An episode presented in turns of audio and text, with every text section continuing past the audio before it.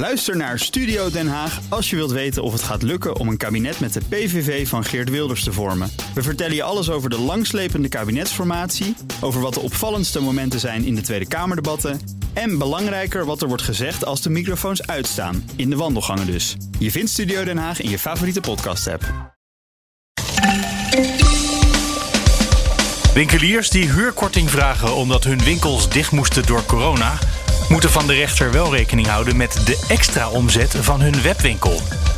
Bij gemeenten die zelf grond aankochten voor woningbouw werden 10 tot 20 procent meer huizen gebouwd dan bij gemeenten die alles aan projectontwikkelaars overlieten. En er komt een nieuwe Europese aanpak van het witwassen met een nieuwe toezichthouder en met een maximumbedrag voor contante betalingen. Dit is Nieuwsroom, de dagelijkse podcast van het Financiële Dagblad en BNR Nieuwsradio. Met het nieuws verteld door de journalisten zelf. Ik ben Mark Beekhuis en het is vandaag woensdag 21 juli. En laten we net als gisteren, toen Paulien hier inviel, beginnen met een dienstmededeling, maar wel een hele leuke. Ik krijg net een appje van Sophie van Leeuwen, waarmee we natuurlijk altijd Nieuwsroom Den Haag maken, dat onze podcast is genomineerd voor de Prinsjes Podcastprijs. Er waren 50 inzendingen en we hebben nog lang niet gewonnen, maar we zitten wel bij de laatste 10. En de aflevering die genomineerd is, dat is toch ook wel leuk. Dat is de eerste aflevering van de serie die we vorige zomer maakten over de politiek in coronatijd. Stilte op het Binnenhof. Dus als je die nog niet gehoord hebt, zal ik vandaag bij de show notes ook even een linkje zetten naar die op zich oude aflevering. Nou ja, en naast ons zijn er dus nog negen andere, ook best wel goede podcasts genomineerd voor deze Prinsjes Podcastprijs. En de winnaar wordt overigens pas op 16 september bekendgemaakt. Dus het duurt nog even voor we weten of we gewonnen hebben. Of toch een van die andere betrouwbare bronnen, Haagse Zaken, de stemming. Afijn, 10 podcasts in totaal. Het is wel een, een thema wat mij al uh, sinds, sinds de coronacrisis is uitgebroken, is het, is het tussen, tussen huurders en, uh, en uh, verhuurders. Ja. En, dus het is een, een langlopend dossier voor, voor mij en voor de krant en voor iedereen die, het volgt. Ja, voor deze podcast. Ja, precies. Ik heb daar wel best wel veel aandacht aan besteed al aan die huurruzies. Ja, het is ook spectaculair. Ja. En wat ik, wat ik leuk vind aan de wending van dit artikel is dat tot nu toe eigenlijk de verhuurders soms een beetje zuinigjes uh, en weinig solidair waren. Maar dat nu blijkt dat winkeliers dat gewoon ook hebben. Herken je dat? Ja, iedereen in, in van die onderhandelingen is iedereen volgens mij uh, doen ze alsof ze heel zuinig zijn. ja, nee. Maar het land zit in een crisis, uh, Jan Braaksma. Ja, dat is waar. En daar kom je alleen maar uh, samen uit. Daar heb je een soort van solidariteit nodig. Dus als je dan elkaar alleen maar gaat bevechten in de rechtbank en onredelijke eisen gaat stellen. Ja, nee, misschien, heb je, misschien heb je wel gelijk. Maar... Nou, voor we in allerlei uh, morele discussies terechtkomen, laten we eerst even bespreken waar we het over hebben. We hebben het over alweer een rechtszaak over de huur van winkels. In dit geval tussen Scotch en Soda en de verhuurder van uh, winkelpanden. En de vraag of ze voor de corona korting mogen krijgen, moeten krijgen. Ja. Nou, die korting, dat hebben rechters in het verleden al wel besloten dat ze daar in principe recht op hebben, meestal. Ja. Maar de berekening van de winkels, die is nu wel weer een beetje erg in het voordeel van de winkels en ten nadele van de verhuurders. Ja, dat, dat vindt in ieder geval deze rechter. Uh, want wat die winkel, wat Soda heeft gedaan, is uh, uh, die zijn naar de rechter gestapt en die hebben gezegd: wij willen, willen huurkorting en we hebben zoveel omzetverlies geleden. En dat omzetverlies hebben ze alleen gebaseerd op basis van wat er in hun uh, stedenwinkels is, minder is verkocht. Nou, dat is behoorlijk wat, want vorig jaar en begin dit jaar uh, zijn die winkels een tijdje dicht geweest. En, en dit jaar omdat... Ja, die waren allemaal niet essentieel, hè? Dus, uh, Kleding notabene, niet essentieel. Ja, maar goed. Ja, we zaten toch allemaal thuis, dus ik... Ik weet niet hoe jij erbij zat, maar ik had, ik had weinig nieuwe kleren gekocht die, uh, die, die, tijd. Dus blijkbaar konden, Ja, we, prima, konden we ook prima in een, uh, in een joggingbroek en, uh, en hoodie konden we ook gewoon functioneren. Um, Ja. Maar goed, die, die winkels waren niet essentieel, waren een tijd dicht. Die hebben dus weinig omzet gedraaid. En daarom zei, ging Scotch Soda naar de, naar de rechter. Die zeiden, hier, dit is ons omzetverlies. Uh, nou, uh, vertel ons maar op hoeveel huurkorting wij, uh, wij recht hebben. En uh, de rechter zei, nou ja, dat is wel heel eenzijdig. Uh, jullie hebben ook een goed lopende webshop. Uh, een deel van die omzet van de fysieke winkels is verschoven naar de webshop. Leg mij maar eens uit in een volgende zitting hoeveel van die omzet van, van fysieke winkels naar online is gegaan. En dan gaan we dan eens even echt rekenen, want je moet wel alles meetellen, vindt hij. Ja, nou dat klinkt zo ontzettend logisch. Dat je zegt, ja natuurlijk, als de winkel dicht is, verkoop je daar niks. Maar daardoor verkoop je online des te meer. Dat was ook nieuws vorig jaar, dus dat klopt. Dat is gebeurd. Uh, ik weet niet hoe Scotch Soda precies zat, maar je hebt vast ook een heel goed uh, online jaar meegemaakt. Ja, in, het, uh, in, in, de zomer van vorig jaar verdubbelde hun omzet in de, in de webwinkel. Dus, dat bedoel ja, ik. Zeker. Tegelijkertijd zeg je, ja, het is heel logisch, maar dit is de eerste keer dat een rechter dit doet. En ook, we, we hebben advocaten en, en, uh, en de, in retail uh, gesproken, de, de brancheclub van de, van de winkeliers. En die zeiden tot nu toe in alle onderhandelingen is het nooit aan de orde geweest. Gaat het alleen maar, wij huren een stenen winkel, die moest dicht of die, uh, daar kwam niemand meer. Dus daar moeten we iets aan de huurprijs doen. Er is blijkbaar nog niemand geweest die dacht, hier, ja, online gaat, gaat hartstikke goed. En dat is ook wel ergens is het ook wel logisch, want het zijn echt wel twee behoorlijk verschillende uh, uh, dingen. Twee, twee behoorlijk. Ja, natuurlijk, het is veel simpeler als je gewoon die ene winkel aan de huur en de omzet in die ene winkel, als je dat allemaal bij elkaar houdt. En ik snap ook wel dat, uh, ja, misschien dat dan alle filialen heel veel minder verkocht hebben, maar dat die, ja, hoe verdeel je dan de webwinkel over alle filialen die je hebt? Het wordt meteen ingewikkelder. Het wordt meteen echt, echt heel ingewikkeld en uh, die, die onderhandelingen over huurkorting zijn vaak onder behoorlijke tijdsdruk gedaan. Je kan daar niet even rustig een half jaar uh, een accountant op laten studeren.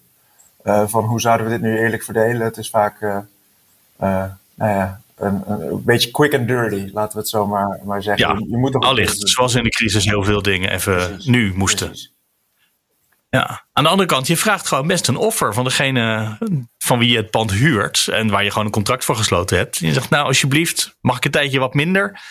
Dus dan moet je er ook een beetje uh, ja, bereidwillig opstellen en niet voor de winst gaan, maar gewoon zeggen, nou, wij snappen dat onze, dat onze webwinkel het gewoon ongelooflijk goed gedaan ja, heeft. Nee, het is ook uh, vanuit het perspectief van de verhuurder is ook zeker wel, wel wat voor te zeggen. Dus in die zin was ik ook wel verbaasd. Uh, de, de meeste winkelverhuurders zijn toch wel uh, uh, behoorlijk scherp. Uh, ik had wel gedacht dat iemand. je, was verbaasd dat niemand er nog over begonnen ja, was. Eigenlijk wel. Um, en, en ook van advocaten kun je ook van alles zeggen, maar die zijn meestal ook wel scherp op dit soort dingen. Dus ik, ik was eigenlijk ja. wel een beetje verbaasd. En um, kijk, het is de vraag hoe zwaar dit daadwerkelijk gaat meetellen zometeen. Want er komt nog een rechtszaak over de, de berekening hiervan. De Hoge Raad is nog allerlei dingen aan het, uh, aan het uitzoeken. Daar zit eigenlijk vooral iedereen naar uh, te kijken. Want, want dan zijn er alles wat er nu gebeurd is, is op basis van uh, lagere rechters. En, en ja, de een besluit dan soms iets anders dan de ander. En um, omdat er zoveel zaken waren en zoveel dingen onduidelijk waren waar rechters zich nou aan moesten, moesten houden. Want ja, een pandemie hadden we ja. nog nooit eerder gehad. Hè. Er is wel eens, wel eens vaker natuurlijk sprake van huurkorting, maar uh, ja, dan, dan gaat het niet. Nee, een pandemie dat doen we niet nee, zo vaak. Precies. Laten, we, uh, laten we dat maar zo houden, denk ik.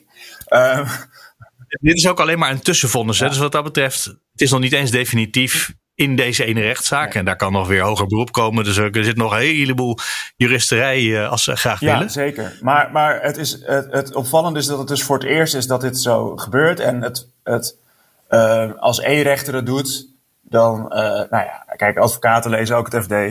Uh, dus die zullen ook als een verhuurder bijstaan. Zeggen, nou jongens, vraag ook eens even hoe het eigenlijk online is gegaan bij die huurders voor jullie die nu korting gaan vragen.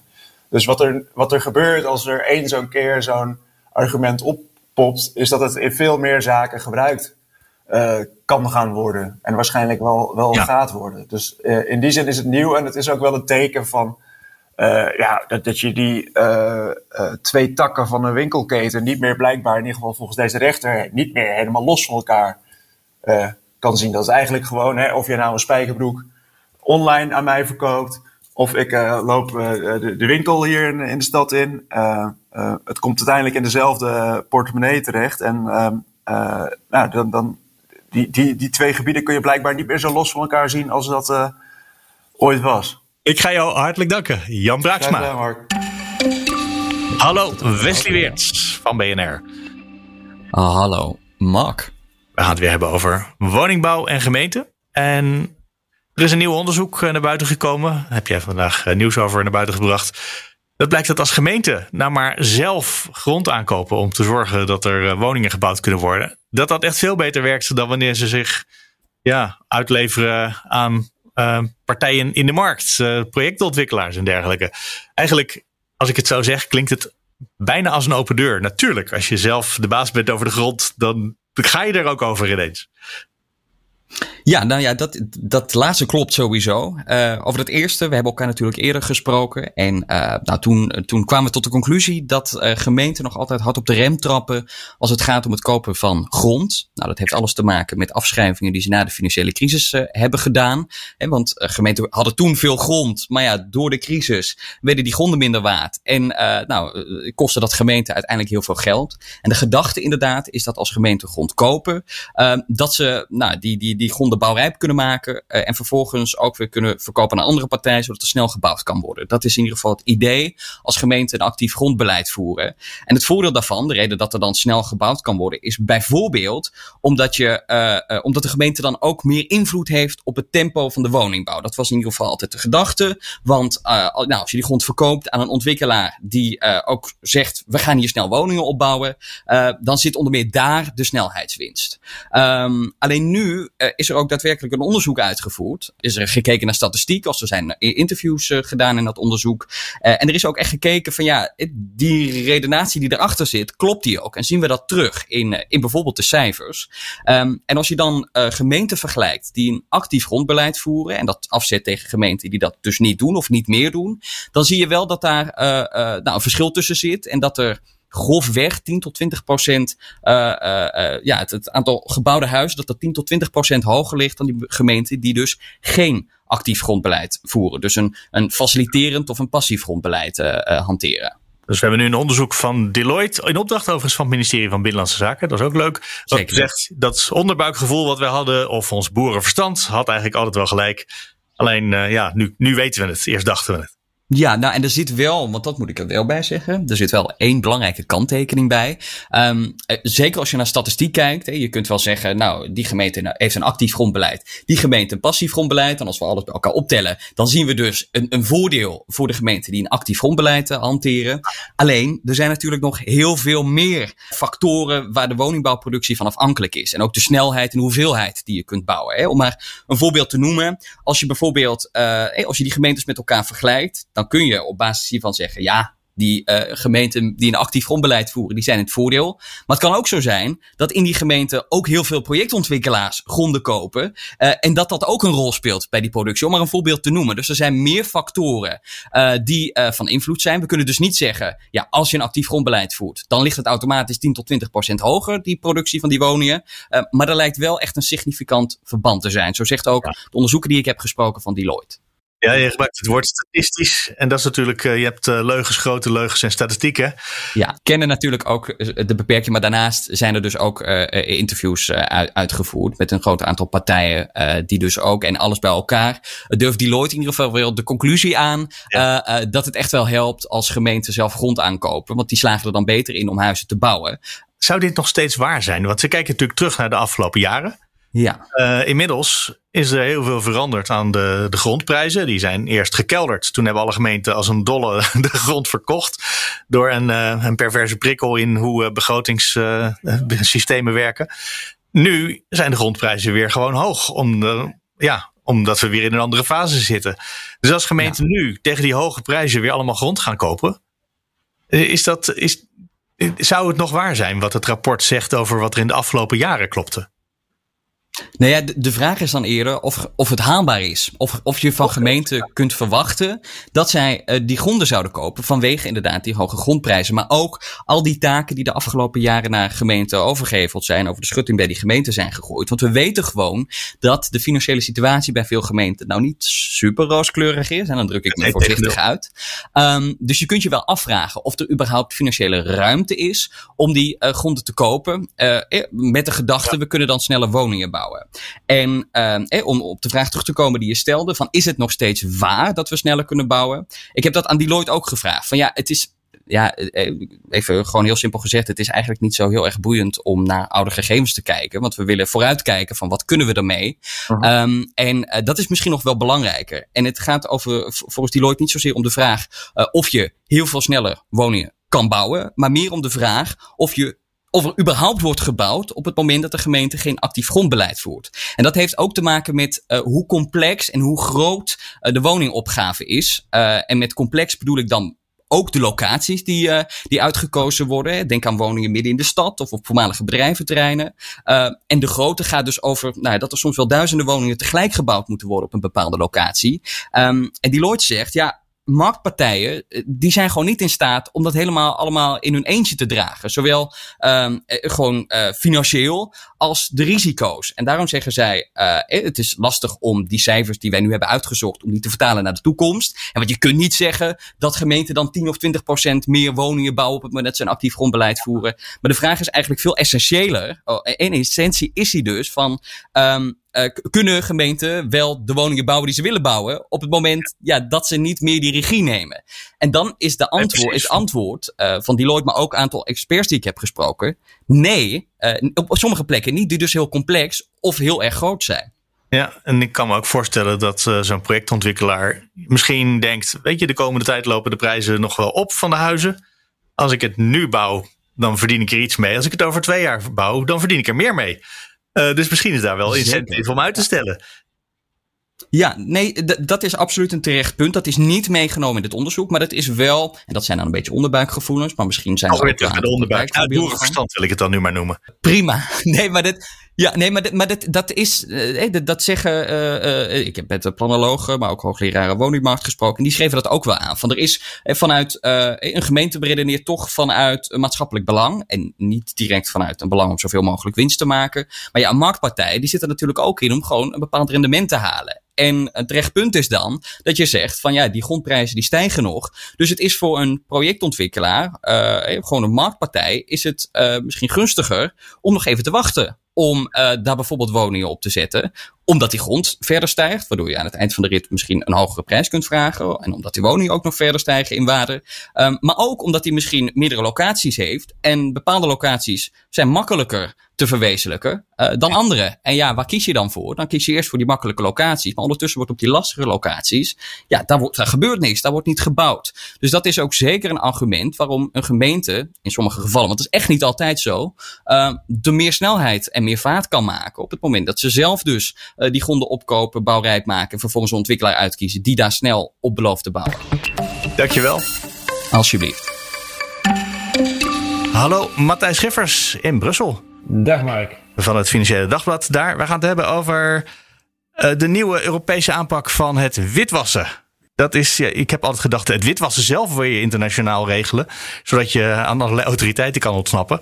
Maar dat hebben ze in Brussel nu door. Hè? Dat ze bedacht hebben, we moeten ook een Europese aanpak hebben van het witwassen. Ja, die was er in feite al, maar dat was dan geregeld via richtlijnen. En die moet je dan omzetten in, die moeten de lidstaten dan omzetten in nationale wetgeving. Maar bij richtlijnen heb je enige interpretatievrijheid. Uh, bij, de, bij, de, bij die omzetting, uh, waardoor je toch een lappendeken aan maatregelen kreeg. En uh, ja, dat is natuurlijk niet zo uh, effectief bij het bestrijden van een internationaal probleem als, als witwassen.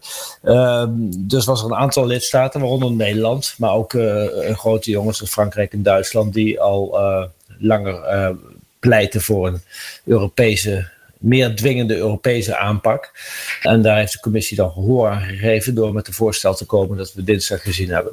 En daar zit van alles in. Er zit een maximumbedrag wat je cash mag betalen in. Er zit een nieuwe Europese autoriteit in die zich mee bezig gaat houden. Regels voor cryptocurrency, cryptovaluta.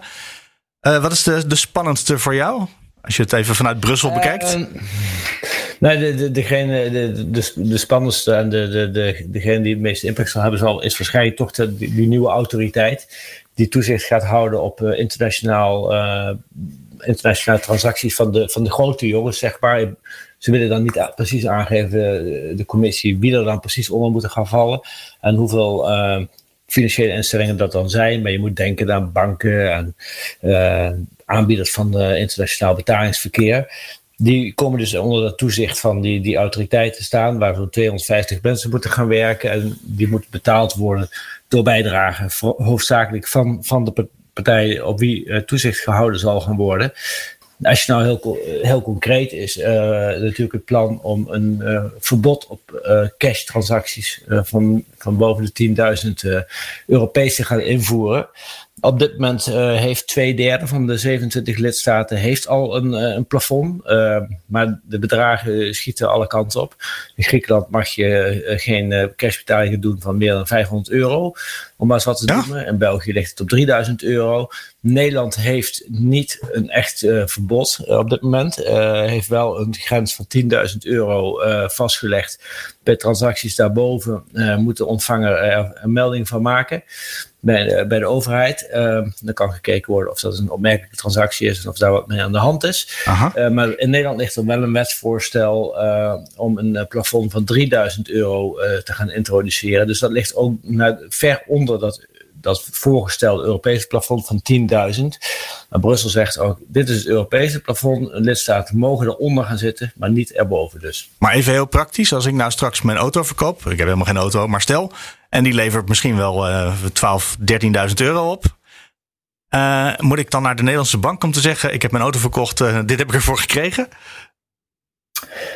Um, nee, het is, het is echt voor zakelijk betalingsverkeer. Ah, ja. Dus als een van de twee partijen een, een, een, een, een ja, een zakelijke uh, partij is, zeg maar, een, uh, een handelaar of wat dan ook, dan, dan, uh, dan geldt dus straks dat verbod boven de 10.000 euro. Maar als jij je auto via Marktplaats aanbiedt en die wordt gekocht door je buurman, ja. dan, dan is dat in principe uh, wel toegestaan. In Nederland komt de grens overigens op 3000 te liggen, maar in Europa is er dan dus 10.000. Dus het is niet tussen privépersonen. We willen ook uh, proberen te. Er zijn natuurlijk ook veel partijen die hebben, uh, of veel, er zijn ook nog steeds mensen die hebben geen bankrekening. En, en zoals dat dan heet, om die mensen toch ook in het financieel deel te laten nemen in, in de financiële wereld, zeg maar, kunnen daar ook uitzonderingen voor gelden. Maar in, in, in principe dus zakelijke transacties boven de 10.000 euro, die mag je niet meer cash, cash afrekenen.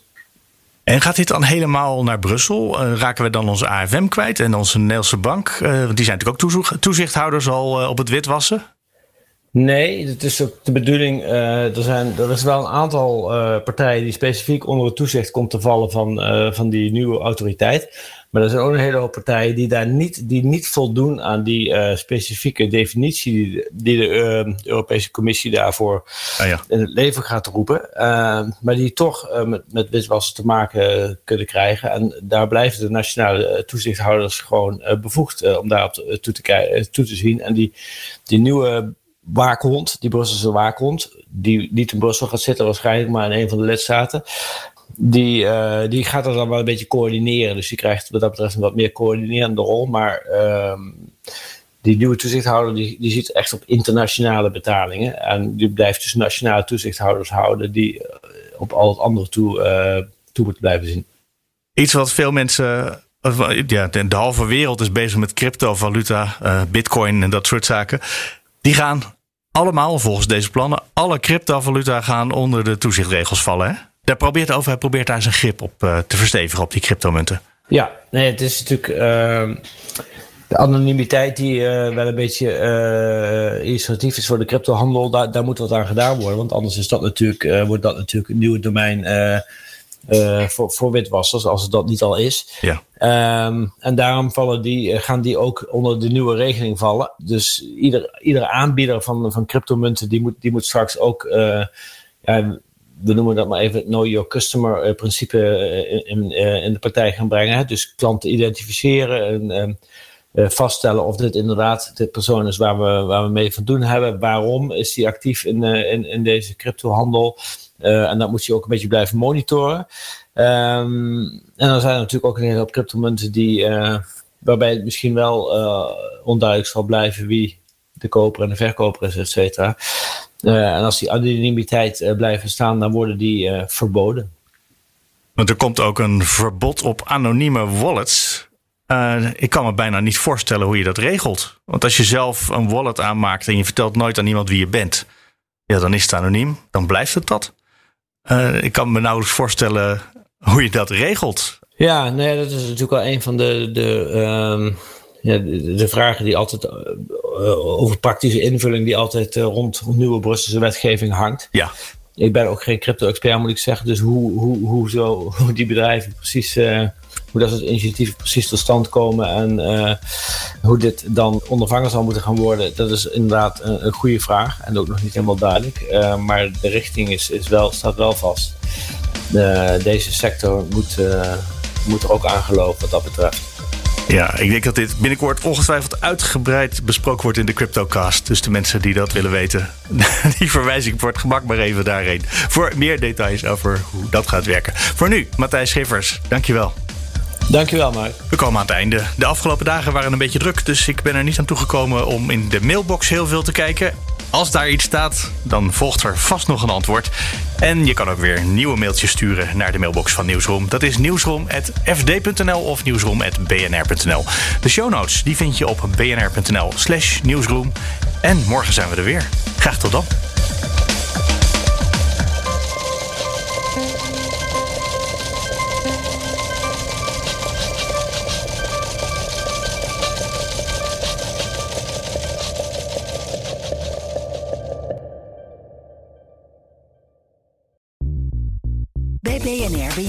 Altijd als eerste op de hoogte van het laatste nieuws. Luister dagelijks live via internet. Bas van Werven. En heel langzaam komt de zon op rond dit tijdstip. Je krijgt inzicht in de dag die komt op BNR, het Binnenhof in Nederland en de rest van de wereld. De Ochtendspits. Voor de beste start van je werkdag. Blijf scherp en mis niets.